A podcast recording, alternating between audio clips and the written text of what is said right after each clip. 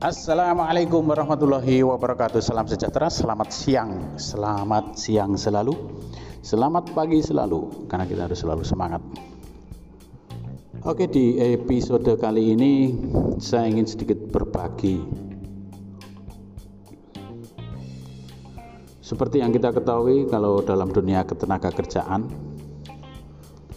Kita harus bisa memposisikan diri apa pun itu ketika kita mengikuti menjadi seorang karyawan karyawati maka kita harus bisa memposisikan diri. Memposisikan diri ini yang seperti apa? Yang pertama sebenarnya kalau dari sisi apa yang harus kita lakukan apa yang harus kita kerjakan yang pasti konsen kita adalah bekerja. Sekali lagi mantapkan niatan itu di awal Pertama, ketika Anda berada di profesionalisme, dunia profesional, maka sebisa mungkin, semaksimal mungkin berikan yang terbaik. Tapi bila mana di suatu waktu Anda tidak diterima ketika Anda sudah memberikan yang maksimal, itu sangat-sangat wajar. Karena apa? Di dalam dunia ketenaga kerjaan ada beberapa poin yang mungkin itu di luar nalar.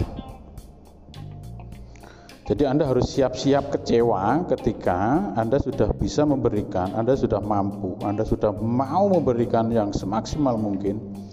Tapi ternyata kok yang dilalai ada sebuah ilmu di mana ilmu itu adalah like and dislike. Intinya adalah Anda harus selalu siap dalam kondisi apa pun. Demikian dulu edisi ketenaga kerjaan kali ini. Terima kasih, semoga saja bermanfaat. Pesan moralnya adalah apa pun kondisinya, Anda harus siap kecewa. Anda, Anda harus bisa mempersiapkan keadaan yang mungkin itu seperti yang Anda harapkan.